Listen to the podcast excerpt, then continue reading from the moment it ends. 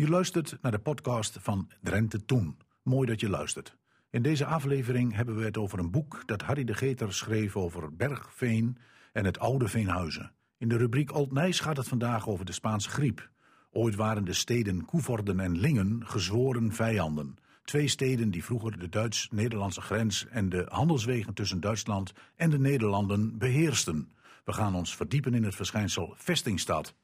In vroegere tijd zijn daar grote veengebieden geweest.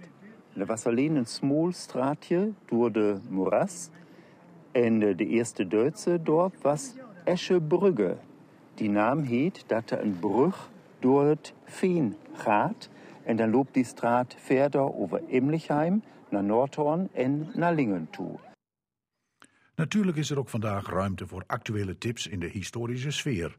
Aanstaande zaterdag 20 oktober bestaat het orgel in de Magnuskerk in Anlo 300 jaar. De familie Ellens schonk het orgel aan de kerk van Anlo. Daar kwam destijds nogal wat werk achterweg. Uh, het was niet alleen dat orgel plaatsen. Uh, er lag een plat, platte zoldering op uh, deze kerk. En ja, die moest omhoog, want anders kon het orgel er niet meer in. Dus die koepelvorm die er nu in zit, is toen ook in het, in het kerkdak aangebracht.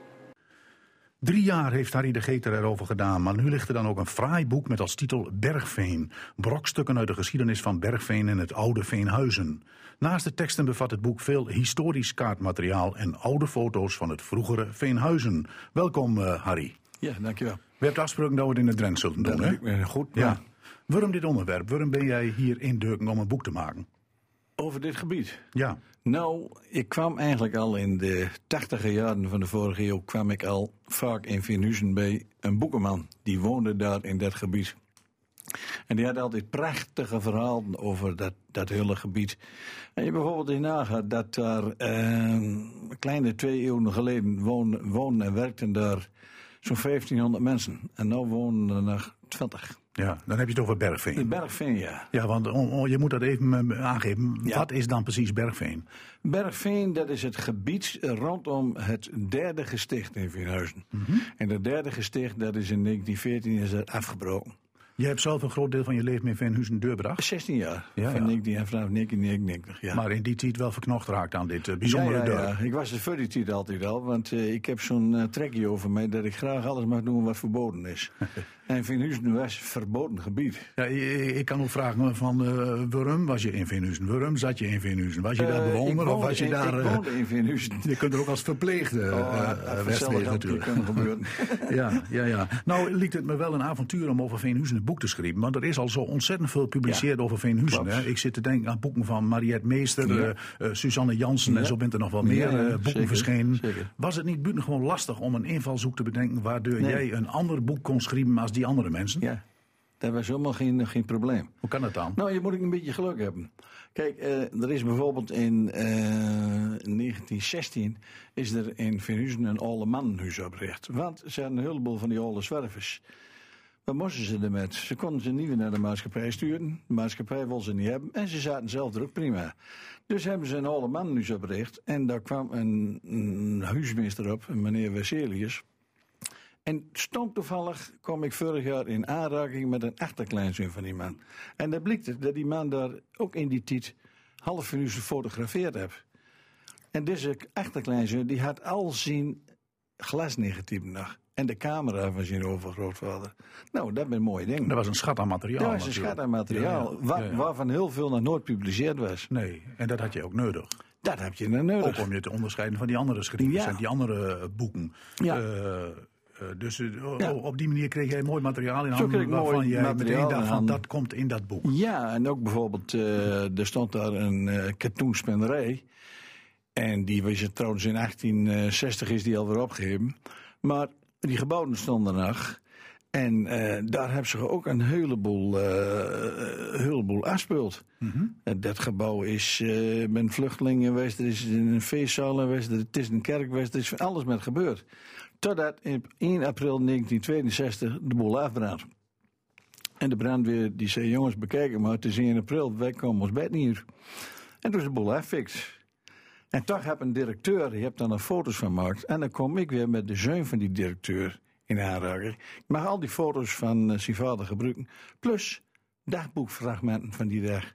Nou, zie, dat ben uh, dat, uh, dat heeft al met al heel veel mooi materiaal Er nu staat ook, bij. ik gaf het net al aan, heel veel mooie historische foto's Ja. in het boek, Ja. die dus nog niet eerder gepubliceerd zijn. Heel veel mooi kaartmateriaal. Ja. Heb jij ook mensen interviewd, uitgebreid interviewd ja, voor dit ja, boek? ja. Nou, in eerste plaats moet ik eh, aan de post uh, uh, bedanken. Dat is ook uh, tegenwoordig mijn leermeester op een computer. En uh, die weet heel veel van het oude middeleeuwse Venusen en dergelijke af. Daar heb je ook heel veel kaarten en dergelijke van. Die hebben me er enorm veel mee geholpen en zo. Ja, ja, want hoe wiet ben jij teruggaan in de tijd in dit Uh, verhaal? nou, de eerste actes uh, waar Venusen in voorkomt is 1381. Mhm.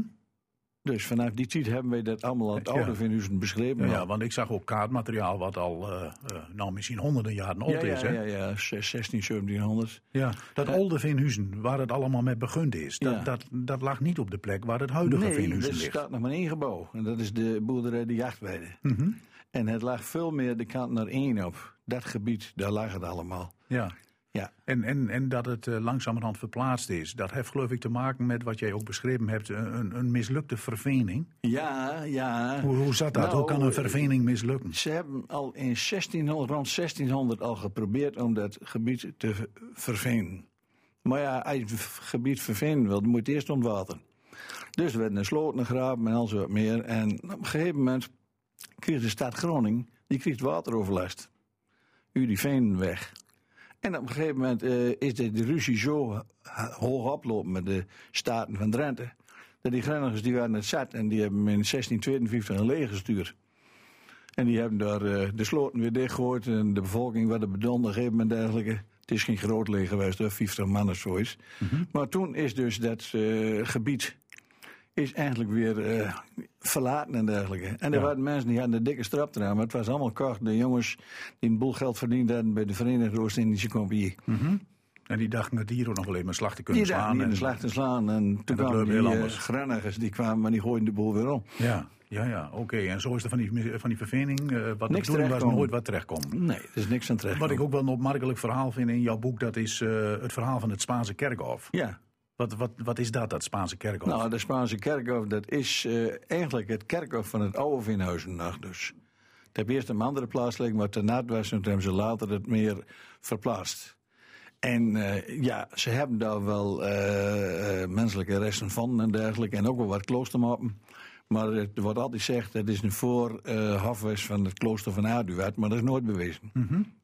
Dus het is, in wezen is het, Het is eh, nog, nog, nog, nog altijd een, een mysterie. Er zijn eh, dikke wat verhalen over, maar Ja, ja. geen mens werd het, eh, de juiste, het juiste ervan. Maar is het van A tot Z onderzocht aan dat, eh, dat gebied? Ja, het is gebied, de, de, de man van het museum is hier. En er was hier eh, voor de oorlog ook een, in het leger een kapitein Bellen. Die ook veel historisch onderzoek gedaan heeft met de Wiggelroede. Mhm. en, eh, maar eh, er is eigenlijk niks uitgekomen. Nee, nee, er zijn nog geen lichaamsresten van. Jawel, Oh, dat toch wel? Jawel. Ja, ja. Is, is er een link ja, met de Spaanse, is, eh, er een, is er een link met de 80-jarige oorlog dan? Ja, ja, ja, er is een link met de 80-jarige oorlog. En daarom is ook vermoedelijk dat ze het Spaanse kerkhof noemen. Mhm. Maar het kan ook wezen dat het ge- gebeurd is om, eh, naar aanleiding van de Spaanse griep... die ook veel in Verhuizen eh Ja, oké. huishouden heb. Ja, ja, dus dat zal beide verklaringen kunnen wezen waarom dit nou het Spaanse kerkhof zou eh, ja. genoemd wordt. Ja. Ja. Dan heb jij ook eh, eh, aandacht besteed aan, aan het huis van der Donk, de tapperij van Hofstegen, Ja. de jachtweide. Kun je dat vatten onder de noemer horeca? Dat is allemaal... de jachtweide was dat. De jachtweide bestaat al heel lang. En daar heb inderdaad ook een ette, een rechts, rechtsman, eh heb daar woont. En eh, de, de, de, de rentmeester van de heren van de VOC. En op het moment is het zelfs zo dat het is, de jachtweide is een provinciaal monument. En dat heeft nog steeds de bestemming eh, boerderij, winkel en herberg. Ja, ja, de, Maar daar liep ook een postkoetsroute al langs vroeger. de, de bestemming Herberg zit er nog altijd op. Zit er een haal op. Dat was de postkoetsroute van Nor. Van, eh, van eh, naar de Lemsterboot over Oosterwolde. En die ging naar de Lemsterboot. Nou, daar waren een paar uurtjes onderweg met een Ze postkoets, denk ik. acht uur onderweg met die postkoets, ja. En die tapperij van Hofsteen gedaan, wat was dat dan? Nou, dat was gewoon een kroeg. Ja, oké. Ook al heel oud. Ja, ja, ja, ja. En, en nou niet meer bestaand. Nee, het bestaat niet meer, nee. Nee. En ik praat nog even verder met Harry de Geter. Hij schreef het boek Bergveen, brokstukken uit de geschiedenis van Bergveen en het oude Veenhuizen. Het begrip eh, brokstukken, Harry, dat geeft al aan dat het fragmenten uit de, geschiedenis. ja, hè? ja, ja. Het is niet een, een, een, een doorlopende lijn of zo. Eh, jij hebt onderwerpen eruit pikt waarvan jij dacht van... dit is interessant om aandacht aan te Ja, besteden. precies. Maar je er meer aan besteden, dan was het een boek van 600 pagina's worden. Ja, ja, ja. Ja, er is, alles is beschreven, maar dat is niet meer interessant voor de lezer. Nou is uh, Vinhuizen natuurlijk uh, uh, vooral bekend worden door de activiteiten van Johannes van den Bos. Ja. besteed jij daar ook aandacht aan? Jazeker. Ja, dat is vanaf 1820, hè. En ja, Johannes van den Bos die stond eigenlijk aan het begin van de armoedebestrijding in Nederland. Ja, ja, ja. En daar is volop aan werkt in Vinhuizen en, Ja, en, dat is en, en omgeving. ja, zeker. Nou vind ik het wel intrigerend, dat verhaal over dat derde gesticht. Want daar is Ja. ook eh, sprake van eh, in jouw boek. eh, Ja. Maar dat derde gesticht dat bestaat helemaal niet Nee, meer. de derde besti- bestaat niet meer. Wat, wat, wat zat daarin? Wat, wat was dat Daar voor zaten, eh, eh, gesticht en wat is ermee zaten gebeurd? Vondelingen en wezen zaten daarin. Mhm. Maar toen ze er niet genoeg van die kinderen in konden krijgen, omdat eh, de, de tehuizen in de steden begonnen te protesteren, hebben ze het maar aanvuld met bedelaars. En die Ja, ja. moesten allemaal te werk gesteld worden, die kinderen en, en, en die bedelaars ook. Alhoewel, je had in Venusen had je al 100 jaar voor de invoering, was er een leerplichtwet. In Venusen al. Ja, ja. Dus ze waren heel eh, ver, de tijd vooruit. Ja. Goed, maar jij, jij hebt het eh, nadrukkelijk over het derde gesticht in Ja. jouw boek. En wat mij ook opvalt, dat is de, de ellende, de armoede, de omstandigheden waaronder die kinderen daar waren. Ja, dat was verschrikkelijk. Dan kwam in de eerste plaats dat het gebouw, eh, hebben ze te laag gebouwd. Ook nog een keer boven de bron van een eh, de ont- ontspringing van een riviertje. Altijd super vochtig dus. Super vochtig en slechte hygiëne en al zo wat meer. En door al dat soort dingen had je ook allerlei ziektes. En Vinhuizen heeft wel de twijfelachtige eer dat ze een, eh, een ziekte hebben die naar Vinhuizen noemd is. De trachoma vinhuisianum, een oogziekte. En, en eh, op een gegeven moment hebben ze gewoon de deur dicht gedaan? Of is dat Nou, langzamerhand moment geraakt en is er helemaal niks van Na overgebleven? 100 jaar is hij, eh, is hij eh, nou, ik kan wel zeggen, in elkaar onder. Dat was helemaal weg. Ja. Maar toen is het wel gelijk gebouwd met het tweede gesticht, wat nu het gevangenismuseum is. En dat staat naar vier overeind. Mhm.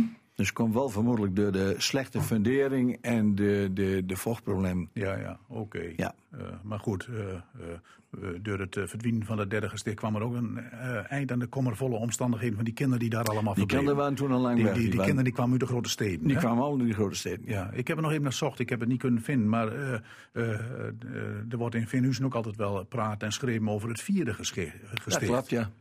Ja, daar kun je het recht uit dood met. Precies, ja. Dat is het vierde gesticht. Dat is het vierde gesticht. Daar ja. heb jij geen aandacht aan besteed, hè? Of, of heb ik het jawel, nou... ik heb een zijdelings een paar... Sumier. Sumier even, en eh, dat ging eigenlijk voornamelijk over een paar eh, bijzondere grafplaten. Ja. En over het verschijnsel van de graftrommels.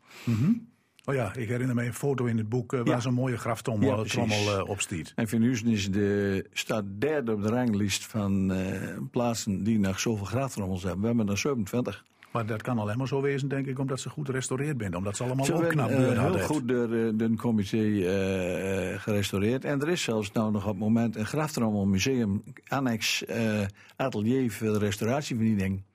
Ja. Ja, ja, oké. Wat vind jij zelf het meest bijzondere eh, wat je ja, ontdekt is misschien een groot woord, maar wat je, waar je over geschreven hebt, waar je aandacht aan besteed hebt? Wat intrigeert jou het meest? Wat me heel erg intrigeert is eh, dat er vlak na de oorlog een Joods meisje heeft ondergedoken gezeten. Na de oorlog. Ja, Ja, na de oorlog. na de oorlog. Dat Leg meisje, Hè? Hoe, leg eens uit, hoe zit, Nou, hoe dat zit dat meisje dan? dat was in, ehm, ik geloof in 42 geboren. En de ouders die zijn erbij hangen en die hebben dat kind ondergebracht bij een paar zusters. Maar goed ook, want de ouders zelf ben vermoord in de oorlog. Dat kind hebben dus overleefd. Maar direct na de oorlog begon de Joodse orgaan, want het kind dat werd bij die mevrouw waar ze onderbracht werd, werd katholiek opvoed. En dan kwam de Joodse gemeenschap, die kwam erachter. En die wilden het kind terug hebben om ze Joods te laten opvoeden. En daar is een hele strijd over geweest. Maar een van die zusters die dat kind hadden, die had een vriendin en die woonde in Veenhuizen in de jachtweide. En daar hebben ze dat kind onderbracht. Met medewerking van pastoor Smits. Ja, ja. Zo is dat. En daar is een hele heibel over geweest. En ik, eh, ik, ik kan me daar ook heel erg aan ergeren. Ik wilde er was zoveel gebeurd in de Tweede Wereldoorlog. En dat ze dan direct na de oorlog, de Joden en de katholieken elkaar nou weer in de haren vliegen over zo'n kind. Ja. Ik vind dat gewoon verschrikkelijk. Ja, oké. En dat raakte jou op het moment dat je ermee bezig was om dat te onderzoeken en om daarover Ja. te schrijven. Ja. Ja, nou, nou hol jij aan het eind van het boek ook een pleidooi om het Bergveengebied eh, te bewaren, veilig te stellen voor de toekomst. Ja. Eh, op wat voor manier zal dat dan moeten gebeuren? Ik bedoel, in die zin is het niet alleen een, een historisch boek, het, is ook, eh, het giet er ook op in wat er allemaal in de toekomst moet gebeuren. Als je nou weet dat de gemeente Noordenveld, die heeft dat gebied waar een derde gesticht gestaan, hebben ze gekocht. Mhm. Met bestemming woningbouw. Nou kijk, en dan gaan wij de stekels wel opstaan, maar dan, dan zie ik alweer projectontwikkelaars. Ja, ja. En die moeten we echt niet hebben. Dat zeg jij ook, hè? Jij wilt Dat eh, zeg ik het, ook, ja. eh, Ja. vrij blijft u de hand van de projectontwikkelaars. precies. Ja, ja. En eh, ook nou, dat gebied waar die katoenspenderij staan dat is dus grotendeels weer gerestaureerd. Alleen het afgebrande gedeelte zou eigenlijk weer opgebouwd moeten worden. Ja, ja jij, jij, jij pleit er dus ook voor dat, dat bepaalde zaken gerestaureerd worden. Of in alle luster is, hersteld is al gerestaureerd en Ja. kan er meer hersteld worden. En dan heb je bijvoorbeeld ook, dan denk ik, ja, in die katoenspenderij stond de eerste stoommachine van Drenthe. Nou, de historische vereniging Norg, die heeft nog een stoommachine. Die staat ergens in schoolgebouw te verpitten. Ja. Dat is jammer, dan denk ik, hulle spul daarin. We Ja. kunnen wat moois van maken van het gebied. Ja, ja. Die uh, jachtweiden maakten we een herberg van. Laat zondags, uh, als zaterdags en zondags de postgoeds weer in. Geen projectontwikkelaar, maar Harry de Geert, dan moet je erop loslaten op dat gebied. Ja. En dan komt het allemaal goed. Daar, komt, daar komt Daar het nog veel op neer. Eh, ter afronding, eh, Harry, wat, wat, wat ik wel een mooi verhaal vind, dat is aan het eind het verhaal van Rinus de Vet. Ja. Rinus de Vet, wie was Rinus de nou, Vet? Rinus de Vet was een, voor zover ik hem een hele goede man. Alleen hij heeft 40 jaar in Venus gezeten. Hij is 27 keer veroordeeld. Die man had kind nog kraai. Eh lieten ze hem weer in de maatschappij, dan liep hij daar verdoold rond. Kon hij niks. Hij, hij had niks met Venus, was zijn plekje. Dus ging hij gewoon weer eh bedelen. Ja, Ja, dan belde de burgemeester aan en patiënten voor me en dan mocht hij weer naar Venusen. Er is zelfs hier daarnaast een extra rechtszitting voor hem houden. Toen belde de rechter die belde de officier van justitie op en die zegt van... eh, we moeten maandag maar een hele zitting houden. Ja, zei die officier. Waarom dan? Hij zei, ik heb Rinus hier in het hak zitten. En we moeten Rinus even veroordelen. Want anders zit, wij gaan met vakantie en dan zit die man zes, zes, eh, zes weken in het hak. Dat kunnen we hem niet aandoen. nee. Nou, hebben ze maandagmorgen een zitting gehouden. Rin is weer veroordeeld een paar jaar. En Rin is zei, heren, dankjewel. En die ging weer naar Venusen. Dat was zijn eh, eerste woonplaats. En daar voelde hij zich zo thuis dat hij er zich geen wou. Hij ging ook gewoon, hij had zijn eigen schuurtje daar, hij had zijn eigen duben daar. Ja, ja. Hij ging met de bewakers uit vissen. Hij bracht de vrouw een bosjes bloem. Er was niks met die man aan de Hoe hand. lang is uh, al met al in Venusen West? 40 jaar. 40 jaar, ja. Ja. Een opmerkelijk verhaal. Geweldig, Een opmerkelijk verhaal over de verpleegden in uh. Want zo worden ze dat toch nu, Zo hè? ze Verpleegden. Ja. En die verpleegden die waren eigenlijk gewoon geïntegreerd in de maatschappij. En later kreeg je natuurlijk heel andere. Na de oorlog kreeg je eerst de, de oorlogsmisdadigers. En daarna kreeg je echt de echte criminelen. Hè? De moordenaars. eh. Ja, ja, dat is in, eh, in de tijd is dat wel veranderd. Ja. Ja. Goed, eh, Harry, ben je, ben je al met een volgend project bezig? ik ben altijd bezig, joh. Altijd. Ja, jazeker, ik ben wel wat anders bezig. Ja, giet er nou ook zo, eh, wat dit boek betreft, dat je nou nog weer fotomateriaal onder ogen krijgt, waardoor je denkt van, verdorie, dat had ik wat eerder moeten hebben, dan had dat ook nog een plek kunnen krijgen in het boek. Jawel, wel wat, ja. Maar op een gegeven moment moet ik afsluiten, hè. Ja, en dit Ah, heb je afgesloten. Dit is afgesloten, nou ja. Goed. Nou, eh, mooi dat je dit eh, verhaal verteld hebt. Eh, gedaan. ik denk dat de luisteraars misschien ook nog wel eh, wilt weten hoe ze in het bezit kunnen komen van dit boek. Zeker als je een zekere betrokkenheid bij Veenhuizen hebt. Waar is het te koop? Bij mij, hpc de Geter, gmail.com. Oké, nou, dat komt wel goed. Harry, dankjewel. Graag gedaan. Het is tijd voor onze rubriek Old Nijs. Collega Aldert Oosterhuis zocht uit wat de kranten te melden hadden over de Spaanse griep. Old Nijs. Dit najaar, exact 100 jaar geleden, werd de wereld getroffen door een pandemie. De zogenoemde Spaanse griep sloeg toe. Niet eerder bent er zoveel mensen in korte overleden. De griep eiste binnen vier maanden meer mensenlevens dan de Eerste Wereldoorlog in vier jaar. 15 miljoen oorlogsdoden tegen ongeveer 50 miljoen griepslachtoffers. Als je de regionale kranten van die titrisering op naslaat, dan lijkt het in eerste instantie allemaal nog wel met te vallen, maar niet veel later wordt de ernst in beeld gebracht. In de Drijnse en Azerkraan van 16 juli 1918 komt het eerste bericht binnen. Gisteren is hier, hier is dan Assen, de zogenoemde Spaanse griep uitgebroken. Met zekerheid is na te gaan dat de ziekte overgebracht is door militairen in Assen in garnizoen die de zondag thuis doorbrachten. Reeds zijn zeer veel gezinnen aangetast. Want maand of twee, drie later was de situatie echt ernstig. Scholen gesloten. Voor de tijd van een week zijn alle openbare lagere scholen hier ten stede, behalve 7 en 8, Loon en Kloosterveen, gesloten wegens het heersen van de griep. We vernamen dat ook de tweede klasse van het gymnasium geen les krijgt. Er waren hedenmorgen maar twee gezonde leerlingen in die klasse. Ook in M was de situatie ernstig. Ik lees in de krant van 8 november 1918. Wegens de griep zijn op last van BMW alle openbare scholen in Emmen ten getale van 31 gesloten tot 18 november aanstaande. Vanaf maandag tot heden werden bij de burgerlijke stand 33 aangiften gedaan van overledenen aan deze ziekte. Maar een paar weken later, 20 november 1918, we ontvingen de mededeling dat in de gemeente Emmen van 1 tot en met 18 november zijn overleden 243 personen. In hetzelfde tijdvak 1917 overleden er 21. Zo geweldig heeft de griep Emmen geteisterd. Op het ogenblik is er geneeskundige hulp. Met inbegrip der plaatselijke artsen zijn er nu 13 geneesheren werkzaam, benevens enige verpleegsters. Voegen we hier nog aan toe dat Emmen plusminus 36.000 inwoners heeft. Ook vermeldt de krant nog dat in Smilde alle scholen dicht bent. En in Muppel, zo werd de krant te vertelden, werden deze week reeds wegens het heersen der Spaanse griep alle openbare vermakelijkheden en samenkomsten verboden. Thans zijn ook alle openbare en bijzondere scholen voor onbepaalde tijd gesloten. Ook een triest bericht uit Beelden op 30 november 1918. Uit het gezin van de heer B., die er tijdelijk vertoefde met een woonschip, werden heden twee lijken tussen de zieken weggehaald. Het was weder de Spaanse griep die den vader en een zoontje het leven kostte.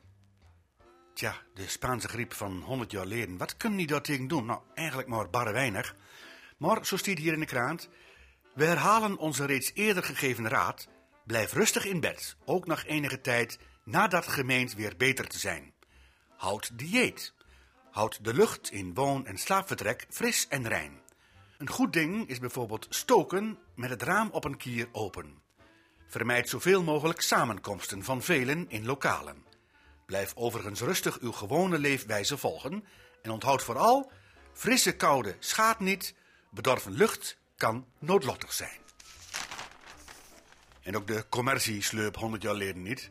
Wanneer gij lusteloos of moedeloos zijt, wanneer gij lijdt aan algemene zwakte, geen eetlust, dadelijk vermoeid, als gezwakt zijt na de Spaanse griep, neem dan eens des morgens na uw ontbijt en des middags een uur voor de maaltijd een eetlepel sanguinose. En gij zult heel spoedig de goede gevolgen ondervinden. Ja, ook nog wat duur spullen, die sanguinose. Kostte 2 gulden per flacon. En wat dat nou precies voor spul was, die sanguinose, dat vermeldt het verhaal niet. In Drenthe Toen hebben we het niet alleen over het verleden, maar proberen we ook elke week een aantal actuele activiteiten op een rij te zetten. En daarvoor is aangeschoven collega Lydia Tuinman. Goedemiddag, uh, Lydia. Ja, goedemiddag. Uh, is er nog wat leuks te doen de komende tijd in uh, Drenthe of omgeving? Ja, wel, maar ik heb ook de indruk dat er ook heel veel activiteiten zijn opgespaard voor de herfstvakantie en voor uh, herfstmaand, uh, kindermaand, hoe heet dat? Dat, gaat, dat schuift allemaal een beetje in de richting van die derde week van oktober. Oktobermaand, ik, kindermaand bedoel Oktobermaand, kindermaand, wat zei ik dan? Iets anders. um, Hoge Veense vrouwengeschiedenis. Dat is de eerste die ik vond voor uh, komende week. Dus overmorgen al, 16 oktober om 19.30 uur 30 geeft uh, cultuurhistorica Marga Zwiggelaar in de bibliotheek van Hogeveen een lezing over Hogeveense vrouwengeschiedenis. Um, altijd eigenlijk staan de mannen centraal in de geschiedschrijving. Uh, Zwiggelaar die gaat daar eens even uh, een ander licht op werpen. We hebben haar uh, volgende week ook in de uitzending. Dus dan kan je er meer over horen. Um, maar als je dan nu al nieuwsgierig bent naar die Hogeveense vrouwengeschiedenis... dan 16 oktober, half acht in de bibliotheek van Hogeveen kan je terecht. Kost 6 euro en online kaartjes via www.bibliotheekhogeveen.nl. Nou, dan heb je nog tot morgen de tijd, Lucas, om je aan te melden uh, bij uh, als zijnde een talent op het gebied van Gruttepier. Dat is uh, de Friese held. ze zijn naar hem op zoek en ze zoeken een flinke kerel met acteerervaring. Uh, aanmelden kan tot uh, eh, 15 oktober. En het verhaal daarachter is, uh, ja, woonde hij in Drenthe, Friesland of toch in Zweden? Omroep Friesland en Steven de Jong Films zijn op zoek naar een hoofdrolspeler voor een unieke serie over het leven van Pier Gerlofs Donia, beter bekend als Krutte Pier. En de hoofdrolspeler moet niet zomaar iemand zijn. Fysiek grote, sterke man van minimaal 1,90 meter tussen de 30 en 45 jaar. Dat ga je redden, oh, Lucas. Ik begrijp wel dat je onmiddellijk aan mij dacht, maar ik ben iets te oud. oh, dat is dan weer jammer. Nou, je kunt in ieder geval, uh, als je denkt dat je in aanmerking komt voor uh, deze uh, hoofdrol in een, in een Friese film, melden bij www.gruttepier.tv en zoals gezegd, opgeven kan nog extra maandag. extra complicatie is natuurlijk dat je ook Friestalig moet zijn. Hè? Ja, misschien kan dat nog nagesynchroniseerd worden, dat weet je niet. Um, dan is het op aanstaande woensdag uh, ijzerkoeken smikkelen geblazen in uh, Koevoorde. Uh, de stad uh, die staat in het teken van het ijzerkoekenoproer van 1770. En die stadswandeling die, die is om, die start op 13 uur 30 bij het museum van Koevoorde. En uh, daar krijg je een wandeling aangeboden met uh, nou, een, een mooi verhaal van uh, Lambert Hans. Gratis stadswandeling door het centrum. En nou, behalve alle informatie krijg je ook nog ijzerkoeken op te smikkelen. Uh, het is eigenlijk een kinderactiviteit, maar ouders mogen ook meedoen. Die mogen misschien ook wel uh, ranja, koffie, thee en een ijzerkoek nuttigen. Opgave is uiterlijk een dag vooraf, dus dat kan nog tot en met dinsdag via info.museumkoevoorde.nl. Klinkt niet echt appetijtelijk, een eier, ijzerkoek. Nee, nee, maar dit, dit zijn van die wafeltjes uit zo'n zo'n knijpijzer, ja, ja. weet je wel. Okay. Er is ook, uh, het gaat niet om de koek, maar het gaat om het instrument waarmee ze gemaakt worden. Ja, precies. Okay. En uh, er is ook een, een, een tentoonstelling van ijzerkoeken, uh, ijzers. in het museum in Koevoorde. Dus daar kan, je, daar kan je gaan kijken hoe dat er allemaal uitziet. Allemaal heel verschillende ijzers zijn dat, van die de, knijpers. Ik, ik, ik, moet denken aan de Drentse kniepetische ijzers. Ja, ja, daar lijkt het op. Mm -hmm maar dan ook weer een beetje anders.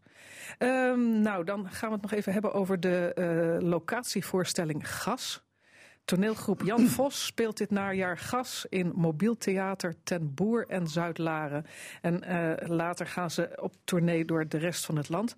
Uh, in Zuid-Laren zijn ze voorlopig nog niet. Dat is pas 30 november. Maar vanaf 17 november uh, gaat het in première in Ten Boer. Dus uh, als u daar al met uh, nieuwsgierigheid uh, op zit te wachten, dan kunt u daar al zeer binnenkort terecht. Um, gas is het verhaal van een vluchtige bodemschat. Een familiekroniek die niemand onberoerd zal laten, staat in het persbericht. In drie bedrijven wordt het verhaal verteld van de gaswinning in de afgelopen 60 jaar. Nou, dat lijkt een heel, een, een heel erg interessant geschiedkundig verhaal, maar het is ook, ja, er zijn ook allerlei emoties en, en allerlei hartstochten in, uh, in vervlochten. Dus uh, zoals de dochters Aukje en Bette van, uh, de, van het hotel waar de eerste gasvondst in de buurt wordt gedaan. Allerlei erotische verwikkelingen volgens mij ook. Hier gaan we ook in Drenthe toen aandacht aan besteden, maar dat wordt ook tegen het eind van deze maand. Oké, okay, genoeg te doen dus in, die, in Drenthe. Veel activiteiten, veel activiteiten die een link hebben met, met de historie. Lydia, dankjewel. Graag gedaan. Door oorlogen in de 16e en 17e eeuw ontstond in Europa een nieuw stadstype, de vestingstad. Het Duitse Lingen en het Drentse Koevorden zijn daar voorbeelden van. Ze beheersten de handelswegen tussen Duitsland en de Nederlanden. De vroegere vijanden werken nu samen aan verschillende projecten, waaronder een tentoonstelling die recentelijk werd geopend. Het gaat om de expositie Achter Wal en Grachten, die te zien is in het Stedelijk Museum Koevorden. Dr. Andreas Eink, directeur van het Emsland Museum in Lingen. Ja, wij staan nu hier in Koevoorde op de markt. Koevoorde is een oude vestingsstad. En in vroegere tijd was dat een grensvesting tegen Duitsland. Sinds de middeleeuwen stond hier een kasteel van de van Utrecht. Later behoorde dat tot Drenthe. En eh, in de 80-jarige oorlog hebben ze het kasteel en de stad uitgebouwd tot een grote vesting in de eerste tijd tegen de Spanjaarden en later tegen Duitsland. En veel sporen uit de vestingstijd zijn hier in Koevoorde nog bewaard gebleven. Ondertussen waren jullie eh, in Duitsland ongeveer hetzelfde aan het doen, hè? Ja, in de, eh, op de Duitse kant van de grens waren de vestingen in Meppen van de bisschop van Münster. En ook de vesting in Lingen. Lingen was ook een oude vestingsstad. En hier, hier via, ehm via Koevoorden loopt een oude weg van Duitsland naar Groningen over de Honsrug. En ehm, daar kon je aan het eh, Veen voorbij in richting Noorden. En aan deze straat heeft de bisschop van Utrecht dit, dit kasteel hier gebouwd. Om die doorgang te controleren. Om de doorgang te controleren en eh, ook om de doorgang te stoppen in de oorlog. De hele stad is in, in een vorm van een, van een staren gebouwd. Net als in Boertangen, Een ster, ja. een ster. Ja. Maar hier in, eh, in Koevoorde is het veel groter dan in Boertangen. Omdat hier een grote stad geweest is en een oude kasteel. En daar hebben ze de vesting eh, rondom gebouwd. Ik heb hier een oude kaart meegebracht. Met een plattegrond van Koevoorde. En daar is dat ook mooi te zien. Dat is een stern met zeven hoeken. In, eh, eh, in de midden is, het, eh, is de markt. En die straten gaan rechtdoor naar de bastionen. De belangrijkste straat is de straat in richting Duitsland, Bentheemse straat. En daar gaan we nu een stukje lang naar de Bentheemse poort. In vroegere tijd zijn daar grote veengebieden geweest. En er was alleen een smal straatje door de moeras. En eh, de eerste Duitse dorp was Eschebrugge. Die naam heet dat er een brug door het veen gaat. En dan loopt die straat verder over Emlichheim naar Noordhorn en naar Lingen toe. En was die hoofdstraat van Duitsland naar eh, Drenthe en Groningen in vroegere tijd. En eh, midden op die straat heeft de bisschop van Utrecht in het middeleeuw een kasteel gebouwd. Dat is hier in Koevoorde ook nog bewaard gebleven. Eh, aan de andere kant, wat hebben jullie eh, Duitsers daar eh, gemaakt om diezelfde weg te, onder controle te brengen? Ja, die, die, graaf van, die, die graaf van Bentheim die had kastelen in Neuenhaus en in Bentheim natuurlijk. En ehm, de steden Noordhorn, Lingen en Meppen zijn ook vestingsteden tegen Nederland geweest. Dus ze hebben, elkaar, eh, ze hebben zich tegen elkaar eh, willen indekken, willen beschermen en zijn aan het bouwen geslagen. Ja, en dat heeft ook eh, twee eeuwen heeft dat goed gewerkt. Ja. In de 19e eeuw is Koevoorde ontmanteld worden. En uit die oude gracht van de vesting hebben ze een kanaal gemaakt waar nu nog de schepen varen. Ja. Hier in Koevoorde is het eigenlijk allemaal nog heel erg zichtbaar. Eh, hoe is dat in Lingen? In Lingen is bijna eh, niets meer eh, zichtbaar van de oude vesting. Die is al verdwenen in de 17e eeuw. En het, in, in het stadsbeeld is het bijna niet meer te zien. Behalve in het museum waar u directeur van bent. Ja, we hebben een eh, mooie maquette van de vesting Lingen en ook veel bodemvondsten die we in de oude grachten gevonden hebben. Kanonkogels, keramiek en andere dingen uit de 17e en 16e eeuw. En u hebt nou samen eh, met de mensen hier, de museale mensen hier in Koevoorde, de handen ineengeslagen voor een tentoonstelling, hè? Ja, bij de tentoonstelling gaat het om de traditie van de vestingsteden. Wat is nu nog bewaard gebleven in het stadsbeeld, maar ook in de herinnering, in verhalen, in de geschiedenis van de steden. Omdat eh, de tijd van de vesting toch erg belangrijk geweest is voor de steden en die mensen die daar geleefd hebben. De tentoonstelling in het Stedelijk Museum Koevoorde, daar kunt u nu al naartoe. En dat kan tot en met 31 maart 2019. Dan verhuist de tentoonstelling naar Duitsland, naar het Emsland Museum. Dit was een bijdrage van Lydia Tuinman. Je luistert naar de podcast van Drenthe Toen. In deze aflevering het bijzondere verhaal van Leni Degen en Ali Zwinderman. De vader van Ali was actief in het verzet, terwijl de grootvader van Leni al voor de oorlog koos voor de NSB. De vrouwen geven binnenkort een gezamenlijke lezing in Sleen. Verder aandacht voor een boek over de geschiedenis van Hotel de Jonge in Assen. Het Huis van Stand, waar Lydia Tuinman samen met Paul Brood op bezoek gaat, heeft alles te maken met het 300 jaar oude orgel in de Magnuskerk in Anlo. De bijdrage uit het Rono-archief komt vandaag uit 1964 en gaat ditmaal over de jacht. De jeugdherinneringen van Wiebe Kruijer vormen de vaste uitsmijter van Drenthe toen. Op 31 oktober organiseert de stichting Streekeigen Sleen een bijzondere lezing. Leni Degen en Ali Zwenderman zullen dan samen het verhaal vertellen van een ingrijpende gebeurtenis op 13 januari 1945 in Sleen. In dat verhaal spelen de opa van Leni en de vader van Ali een belangrijke rol. De vader van Ali, Jans Zwenderman, was op dat moment ambtenaar op het Sleener gemeentehuis en daarnaast actief in het verzet. Hij werd opgepakt en overleed kort na de oorlog. De opa van Leni Degen heeft al voor de oorlog gekozen voor de NSB. Tijdens de oorlog was hij burgemeester in Sleen. De opa van Leni heeft mogelijk een rol gespeeld bij de arrestatie van de vader van Ali. En dat maakt het bijzonder dat beide dames samen een verhaal vertellen. Vandaag zitten ze in de studio. Goedemiddag en welkom. Nou, goedemiddag. Uh, Ali, die, die, die avond in Sleen, is dat de eerste keer dat jullie samen uh, optreden? Ja, dat is de primeur. Dat is de primeur. Toch bijzonder om met z'n beiden op deze manier met dit onderwerp bezig te zijn. Ja, heel bijzonder. Ja.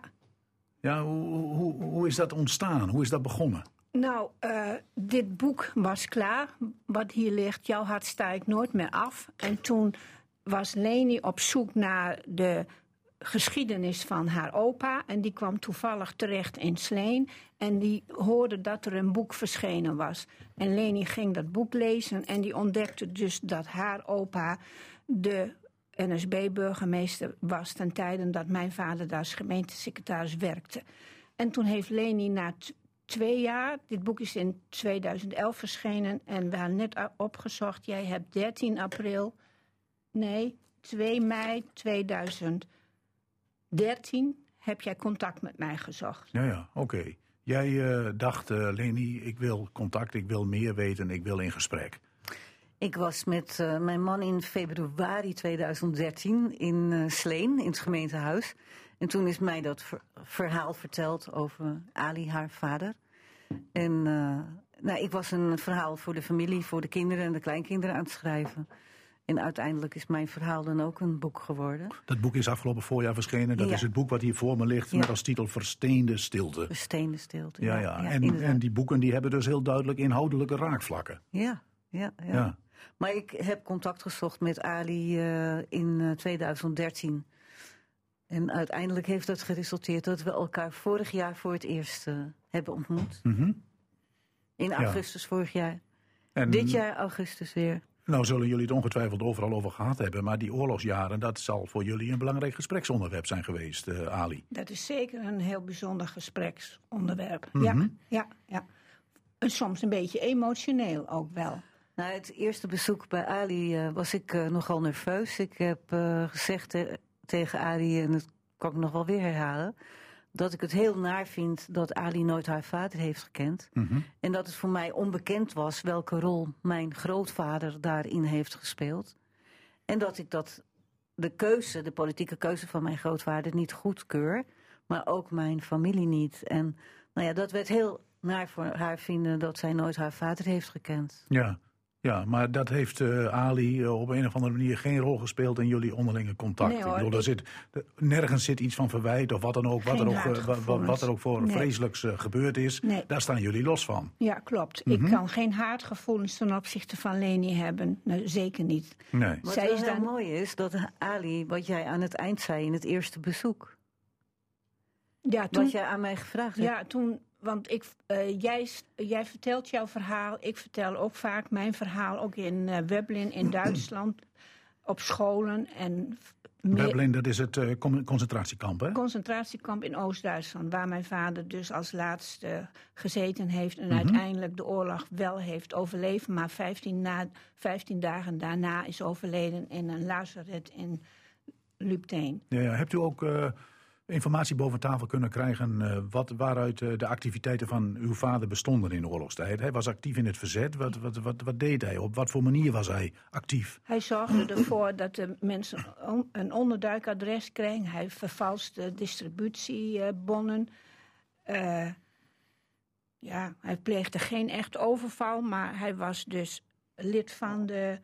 eh, hij was commandant van een verzetsgroep. Hij was Mhm. dus heel actief. Ja, ja, ja. Met En, werk- meerdere mensen. en werkzaam op dat gemeentehuis in, eh, in Sleen. Ja, Hij is opgepakt en hij is in dat concentratiekamp Wubbel in, eh, in Duitsland eh, terechtgekomen. Is hij daar ook overleden? hij, is, hij leefde nog op 2 mei 1945. Toen is dat kamp bevrijd. Toen leefde hij nog, maar heel verzwakt. Toen is hij vervoerd naar verschillende hospitalen. En uiteindelijk 15 dagen na de bevrijding is hij overleden. Ja, ja. U hebt hem niet gekend. U hebt een boek geschreven. Daarin speelt het verhaal een belangrijke rol. Heeft u op grond van informatie die u door de jaren heen he- eh, hebt eh, verzameld... toch een, een goed beeld van uw vader gekregen? Ja, En hebt u toch een beetje het gevoel van... Ik, ik ken hem toch wel een beetje? Ja, ik had niks. Ik had alleen maar foto's van mijn moeder, die met mijn moeder lagen en verder niks. Mijn moeder vertelde mij nooit iets. Misschien vroeg ik ook niks. Uiteindelijk eh, ben ik met niks op stap gegaan, samen met mijn partner. En met zo weinig zijn we op stap gegaan. En we kwamen met een hele verzameling materialen en briefjes. En Mhm. brieven van nabestaanden die hem hadden gekend, kwamen we weer thuis. Ja, ja, oké. Eh, Leni, in welke periode was, eh, was vader, eh, nee, grootvader, eh, burgemeester van, van, van, van Sleen? Van 1943, van 1943 tot 45. Ja, ja, dat was in Ja. de periode waar eh, eh, in meerdere gemeentehuizen eh, in Drenthe NSB-burgemeesters actief zeker. waren. Ja, zeker. Ja. U hebt wel veel informatie van grootvader boven tafel kunnen krijgen. Ja, nee, ik heb ook veel onderzoek gedaan aan eh, Mhm. En het, uiteraard het Nationaal Archief, waar de meeste feiten liggen Ja, eigenlijk. eh. ja, ja. Maar wij begonnen ook eh, te zoeken in het burgemeestersarchief in Assen. Nou, dat is nu de laatste jaren al die archieven, die plaatselijke archieven, die nog eh, dossiers hebben van de oorlog, die gaan nu allemaal naar het Nationaal Archief. Mhm. Ja, En daar ben ik een paar keer geweest. oké. Ik wou nog even terugkomen op wat ik net zei over het bezoek bij Ali. over wat jij mij vroeg. Ja. Dat vind ik wel heel belangrijk. Ja, om te... ik eh, vond het eh, zo eh, aardig om te horen dat Leni ook haar verhaal uitdraagt. En ik ook. En toen op een gegeven moment zei ik tegen Leni... hoe zou jij het vinden om dat samen te gaan doen? Jij was helemaal verbaasd en je voelde je vereerd. En je zei, oh, maar daar moet ik even over nadenken. En toen op een gegeven moment zeiden we... laten we dat samen gaan doen. We hebben toch wel een heel bijzonder verhaal samen. Ja, een... eh, maar dat was een- vorig jaar augustus. Vorig jaar augustus. En toen was mijn boek nog niet af. Nee, oké. Dus ik wilde het eerst afmaken. Ik praat nog even verder met Ali Zwinderman en Leni Degen, die samen eh, eind van deze maand eh, een lezing zullen houden in Sleen. En dat, die lezing die gaat over, eh, over de oorlogsjaren. Eh, Leni, eh, het- we hadden het net over het NSB-verleden van, of over de vader, de, de, de verzetstrijder, de man die actief was in de verzet en opgepakt is en, en, en omgekomen is in de Ja. oorlog. Uw opa was lid van NSB. Ja. Hebt, u, hebt u daar makkelijk informatie over kunnen krijgen? Over, over zijn leven en, en, en wat hij heeft gedaan? Nou, makkelijk informatie. In ieder geval, ja, ik heb al eerder gezegd van dat ik in archieven geweest ben. Maar ja, Ja, eh, in, daar was in de familie een heel groot stilzwijgen over mijn grootvader. dit boek heeft niet voor niks Versteende Stilte, Versteende Stilte heet het boek. Maar het heeft niet voor niets als ondertitel een beladen familiekroniek. Ja. Ik bedoel, ik neem aan, ik kan me Ja. voorstellen dat de familie het niet fijn vond dat u ging graven in die geschiedenis van opa. Nou, ja, d- er waren heel veel mensen die wel geïnteresseerd waren. Die zeiden, ze, iedereen heeft toestemming gegeven eh, tot het schrijven van dit boek. Mhm. Maar eh, U hebt dat aan een aantal mensen, expliciet gevraagd. Aan iedereen. Ja. Aan iedereen Ja, die ja. erbij betrokken is. Ja, ja, ja. Ja. En als er iemand was geweest die had gezegd: Ik wil dat niet, dan was het niet doorgegaan. Ja, dat is niet gebeurd. Dus dat kan ik niet nee, zeggen. Nee, oké. Nou ja, Nee. daar heb je van tevoren ook een idee over natuurlijk. Hoe je daarmee om wilt gaan als mensen er moeite mee ja, hebben. Nee, het is niet gebeurd. Dus het boek, iedereen, ligt, er, het boek ligt er nu. Het is dit Ja. voorjaar gepresenteerd. Zijn er mensen binnen de familie die hier heel veel moeite mee hebben? Of is iedereen, vindt iedereen het goed dat het nu eens een keer uitgezocht is en op papier staat? Ja, iedereen eh, vindt goed dat het op papier staat. En de een die wil daar wel over spreken en de andere wil er niet over spreken. Nee. Nou ja, met het schrijven van dit boek en eh, het ook lezingen geven en presentaties... wil ik zelf een beetje de stilte doorbreken die er is over... eh, zoiets als bij mij in de familie over eh, NSB. Over, Het, is nog, het is nog altijd een taboe onderwerp, hè? Nog steeds, ja. Ook zoveel jaar Ja. na de oorlog is het nog altijd een moeilijk onderwerp om over te spreken of te schrijven. en ook nog actueel. Ja, ja, ja, zeker. Ja. Eh, hebt u een beeld gekregen wat uw opa deed in de oorlog? Was hij erg actief als NSB'er?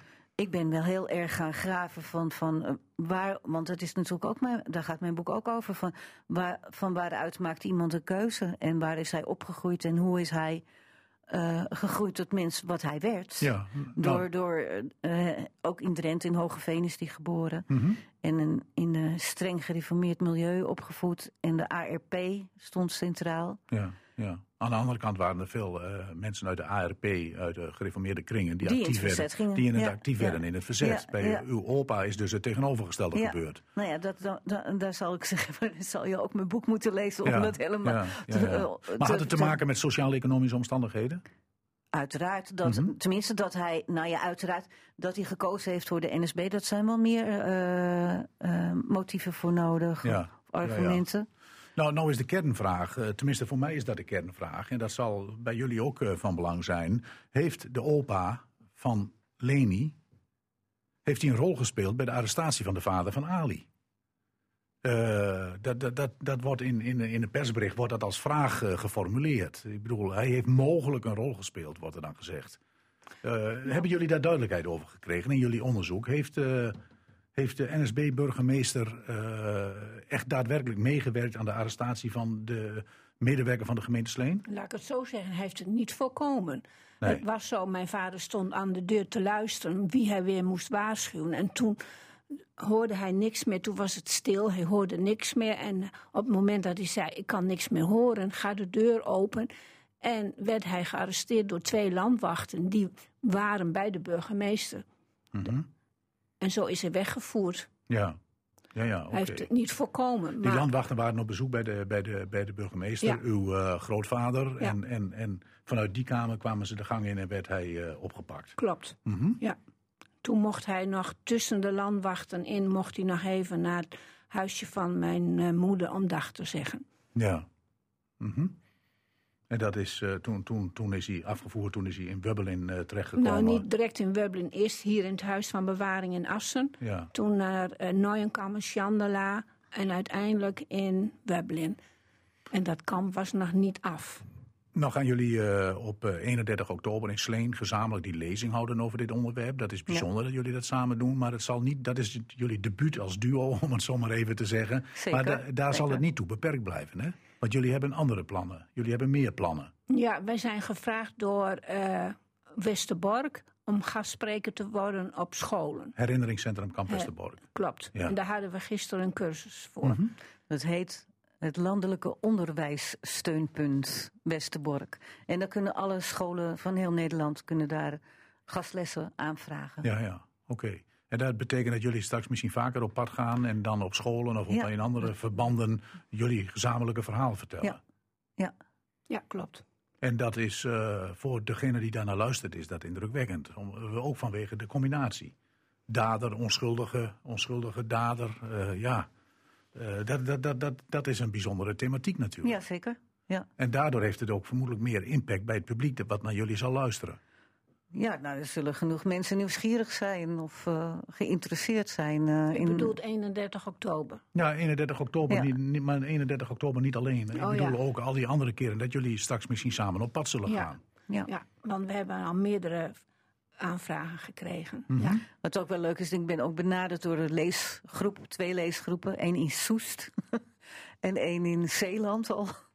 Dus ja, het, het, wordt al, het zit allemaal een beetje in de week, wordt het Ja, ja, gezegd. Ik zeg van nou, we gaan eerst 31 oktober doen en dan gaan we eens kijken Ja. welke kant eh, Ali en ik Maar het kan op willen. 31 oktober best zo zijn dat daar mensen in de zaal zitten die jullie eh, vader en jullie grootvader gekend hebben. ja, Dat zou kunnen. dat zou nog kunnen. Mhm. Ja, Geeft dat een stukje extra spanning aan het, eh, aan het verhaal wat jullie gaan vertellen? spanning en ook bijzonderheid. Ja. ja. Oké. Ja. En eh, wij zijn dus ook gevraagd om op te treden in Putten. Dat is ook een bijzondere plek Ja, natuurlijk. ook een met bijzondere plek. Met een hele bijzondere oorlogsgeschiedenis. Ja, ik denk dat er ook een meneer van Putten in de zaal gaat zitten. Want Mhm. die heeft mijn spullen, of de, de, de spullen van mijn vader teruggevonden in Ja, Bad ja. Arelsen. Oké. Eh, helaas hebben wij niet de gelegenheid om een uur lang te praten Nee. over dit onderwerp. En En hele terwijl er wel een heleboel, eh, optreden Nee. doornemen. Terwijl er wel een heleboel te vertellen, eh, te vertellen zal zijn. Maar dat gaan jullie dus doen op 31 oktober in Sleen. Dan is daar de lezing van Ali Swinderman en Leni Degen. En dat gebeurt in het multifunctioneel centrum De Brink. En de avond in Sleen die begint om 8 uur. Na een uitgebreide verbouwing heeft Hotel de Jonge in Assen de deuren weer geopend. Henk Luning schreef onder de titel van Ouds bekend en goed beklant... een boek over 144 jaar Hotel de Jonge. Ik sprak in het hotel met de schrijver van het boek. Ik zit met eh, Henk Luning in Hotel de Jonge in Assen. Hotel de Jonge heeft de deuren na een lange verbouwing net weer losdaan. Eh dit is een heel oud pand, Henk. Hè? Van wanneer is het pand? Eh, het pand is van 1850 en toen is het gebouwd door Jan Ooster, Oostergetel. Eigenlijk een man van Duitse afkomst. Maar eh, dus vanaf eh, 1850 staat het, het pand, het centrale deel van het hotel kun je zeggen, staat het pand er. En pas later heeft zich alles uitgebreid. Ja, ja, maar wanneer is dan die naam Hotel de Jonge op de gevel gekomen? Eh, nou, Jan Oostergetel die noemde zijn eh, logement eh, De Hoop. En dat is waarschijnlijk afgeleid van in de hoop dat het goed met hem zal gaan. En dat ging dus niet, eh, niet goed. Uiteindelijk komt er een familie eh, De Jonge op. En dat is dan 143 jaar geleden. En vanaf die tijd heet het Hotel De Jonge. Eh, het boek wat jij over Hotel eh, de- Jonge schreef hebt, want dat is de aanleiding dat ik hier bij jou zit. Dat boek, dat heeft als titel van ouds bekend en goed beklant. Dat is een opmerkelijke titel. Waar heb jij die vandaan? Eh, die heb ik gewoon uit de krant. Om, en die titel is van hunzelf. Ze zeggen dit van zichzelf in een advertentie. Dus je moet de titel een beetje met een korreltje zout nemen.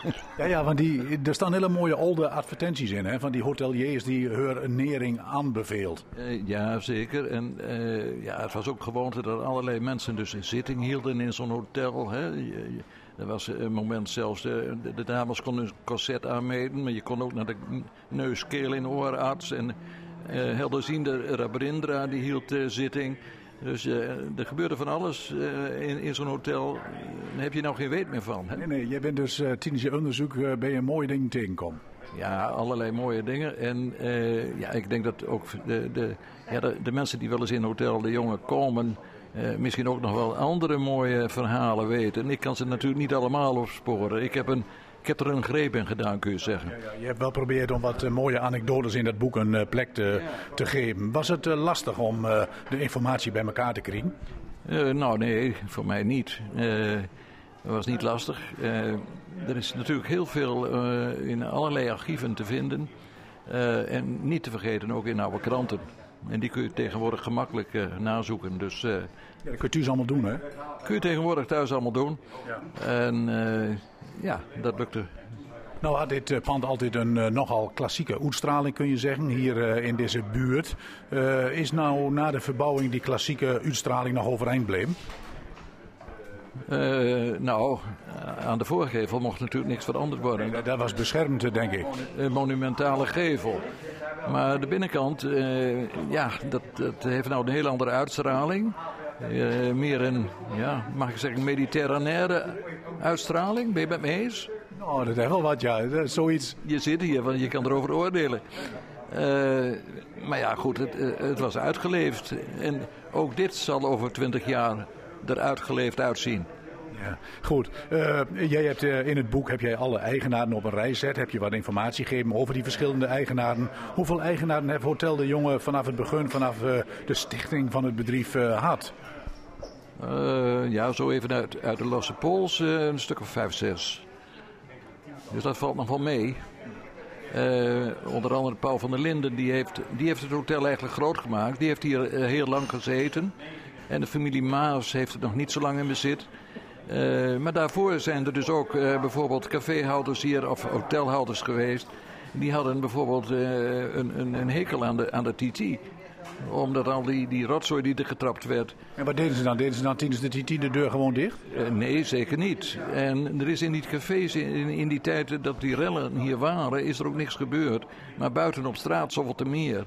En eh, ja, daar was iemand was er gewoon bang van. En, en was hij altijd blij dat het maar weer voorbij was. En dat er niks gebeurd was. Is dit wat dat betreft een iconische foto in het boek? Dat is het boek waar mensen achter het raam naar buiten zitten kijken. En buiten de politie met de gummiknuppel op de jonge lui uh, losmap. Dat was uh, de Titinacht, dacht ik, hè? Dat was de Titinacht. En het publiek zit dus ook nieuwsgierig naar buiten te kijken wat daar dan gebeurt. Het is een foto die is zo afgezaagd als wat, want je vindt hem overal. Hij is heel bekend. Een beroemde foto. Veiling, boeldagen en zo bent hier ook al? Ja, zeker. Uh, al dat soort dingen. Uh, vergaderingen. Uh, ook de bank van lening. De spullen die niet weer opgehaald werden. Die werden hier ook bij opbord verkocht. Dus je kan eigenlijk niet opnoemen. Maar ja, tegenwoordig vinden er ook allerlei bijzondere dingen plaats. Hè? Maar uh, wat er allemaal gebeurd is, dat was wel zo boeiend dat het volgens mij ook leuk was om hier een boek over te schrijven. Nou, ik heb dat natuurlijk met veel plezier gedaan. En ik loop hier zelf ook al 25 jaar. Dus die laatste 25 jaar heb ik voor een groot deel wel meegekregen. Maar uh, het was natuurlijk heel leuk om te doen, ja. Aanstaande zaterdag, 20 oktober, bestaat het orgel in de Magnuskerk in Anlo 300 jaar. Tijdens een feestelijke bijeenkomst wordt de in gebruikname van het orgel in 1718 nagespeeld. De familie Ellens schonk het orgel ter meerdere eer en glorie van zichzelf aan de kerk van Anlo. Onze huishistoricus Paul Brood en collega Lydia Tuinman gingen erop uit om het huis van stand van de familie Ellens te zoeken. Midden in uh, downtown Anlo op een driesprong. Paul Brood, onze huishistoricus, heeft hier ook weer een huis van stand opgespoord, maar daar is wederom niks van te zien. Nee, nee, van dat Ellenshuis, hè, want daar gaat het over, hier in Anno, daar is niks van over. Er staan twee andere huizen op die plek. Eh, maar op grond van een oude kadasterkaart weten we precies waar het gestaan heeft. Dus eigenlijk kijken we nu naar die plek eh, waar het Ellenshuis eh, stond. En het bijzondere van de ligging van het Ellenshuis vind ik eigenlijk dat het precies tegenover de, het brinkje is. Wat eigendom is van de boer Marken. wat al heel lang eigendom is van de boer Marken. En op deze manier eigenlijk een soort gratis oprijlaan voor het Ellenshuis was. want je hebt, uh, ze hebben vrij uitzicht over de hele uh, brink hier zo. En, uh, ik zou zeggen, dat is echt heel goedkoop duur doen. Een prachtlocatie uitgezocht om ja. zichzelf en hun statige huis even mooi in de kijker te spelen. Ja, ja, zo zou je het kunnen zeggen. Um, over deze familie die hier woonde, wie waren dat? Het Ellenshuis is genoemd naar de familie Ellens. En die heeft in Anlo toch wel grote betekenis gehad. Uh, het waren eigenlijk een beetje de nouveau riche van de 18e eeuw. Eind 17e eeuw. Hadden ambtelijke functies, waren niet van adel. Ze hadden wel belangrijke functies in Drenthe. Hadden ook geld. En uh, wilden dat ook graag laten zien. En zo, uh, je ziet dat ze pal naast de kerk woonden. En zij zijn ook degene geweest die in de kerk voor zichzelf een herenbank hebben aangeschaft. Maar nog veel belangrijker is, hebben ook het orgel bekostigd wat er staat. En wat dit jaar al 300 jaar uh, in die kerk uh, staat. En uh, het was een van de eerste orgels in de Drentse kerk. dus je kunt zien, ze, ze wilden wel laten blijken aan de rest van de wereld dat zij in Ellens een belangrijke positie hadden. Dat ze rijk waren. En dat ze dat ook wilden laten zien in de kerk. Want in de kerk moest je toch vooral ook kunnen laten zien hoe belangrijk je was. Lijkt me toch dat we even in de kerk willen gaan kijken ook. en hij is open? Ja, hij is open, dus we gaan even kijken. En dan kunnen we ook het orgel zien. Het is gerestaureerd. Uh, dit jaar wordt 300 jaar op bestaan gevierd. Dus uh, we gaan er nog wel het een en van, van beleven dit jaar. Op naar de kerk. Trouwens, op de plek waar ooit het huis Ellens uh, stond, staat nu een ja, jaren 60 huis, schat ik zo. Ja, het rest een jaren 60 huis en links een wat ouder huis. overigens is het wel aardig om te wijzen op het andere huis daar tegenover.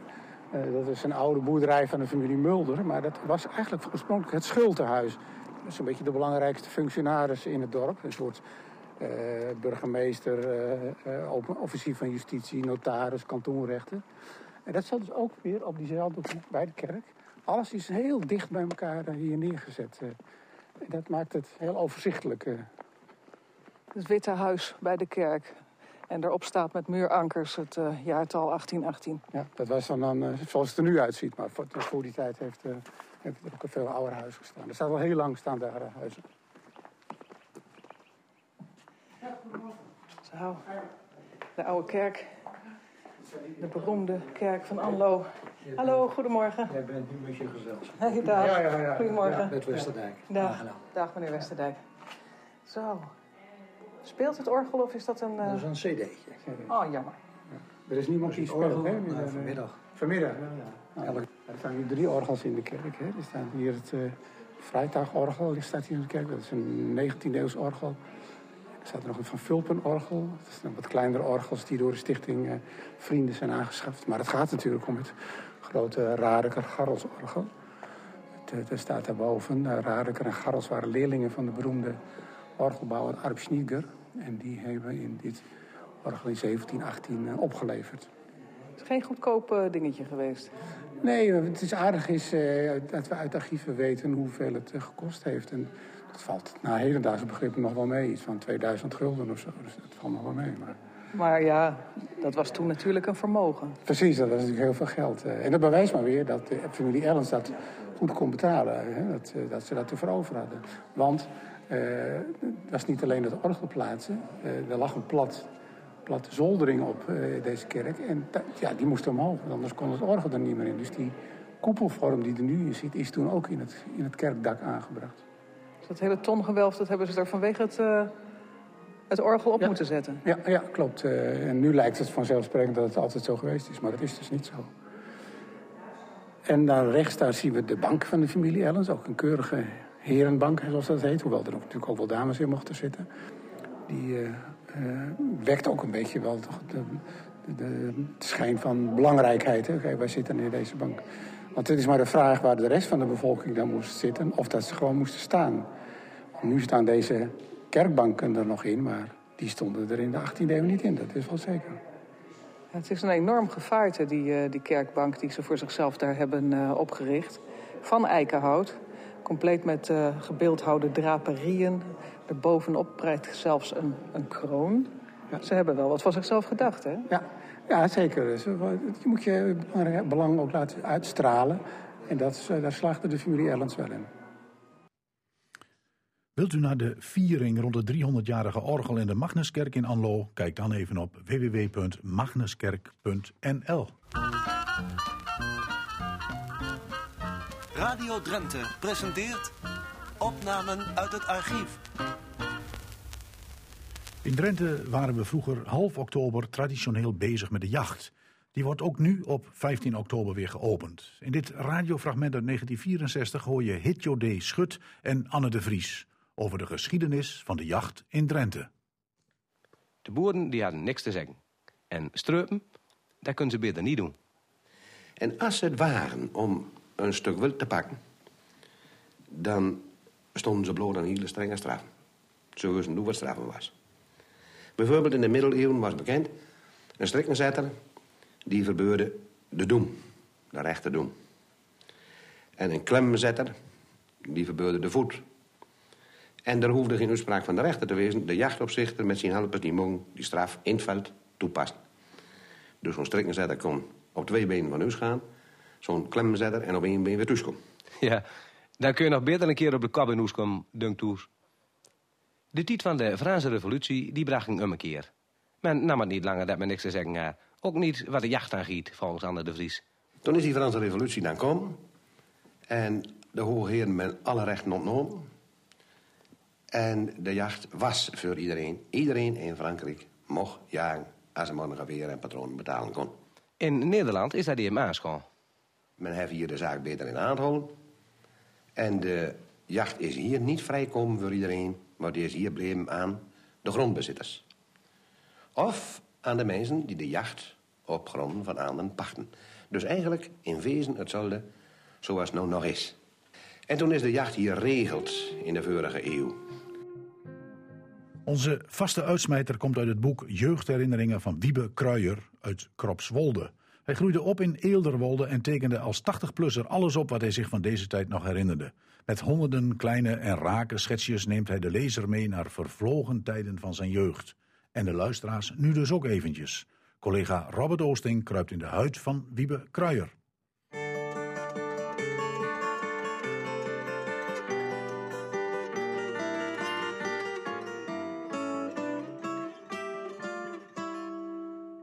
Het was elk jaar een feest als de kachel weer werd geplaatst.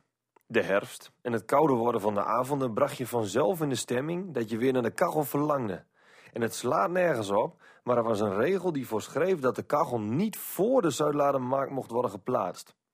Als die tijd echter daar was, dan moesten de attributen zoals de kachel, de kachelplaat, de pook, de tang en de kachelpijpen weer bij elkaar worden gezocht. Het gebeurde nog wel eens dat in de loop van het jaar de kachelpijpen waren doorgeroest. Even nieuw kopen, daar was er in die dagen nog niet bij. Dat gebeurde pas als het echt niet anders kon. Een betrekkelijk klein gat kon in elk geval voorlopig worden dichtgemaakt met gekoud roggebrood. Hans Buitenwerf, mijn neefje van toen mogelijk een jaar of zes, kende dit trucje van voorgaande jaren schijnbaar ook. Want terwijl wij bezig waren de kachel op de juiste plaats te zetten, bood hij alvast aan om het brood te willen kauwen. De Zuidladermarkt was ook het eikmoment waarop de aardappelen moesten zijn gerooid. Dit karwei moest voor die datum zijn geklaard. De avond voor de Zuidladermarkt was het ook in Eelde-Wolde een drukte van belang. Boeren en handelslieden kwamen dan van heinde en verre lopend hier langs om hun paarden naar de markt te brengen. Als je op bed lag, kon je voortdurend het gekletter van de paardenhoeven horen. Zelf trok mij die markt en die drukte helemaal niet aan. Voor mijn dertigste was ik er zelfs nog nooit geweest. Waar veel mensen samenkomen, daar laat ik mij liever niet zien. De traditionele Zuidladerbol, gemaakt van roggemeel en veel krenten, kende ik natuurlijk wel. Een plak van deze bol, gesmeerd met roomboter en veel suiker erop, daar was ik wel een liefhebber van.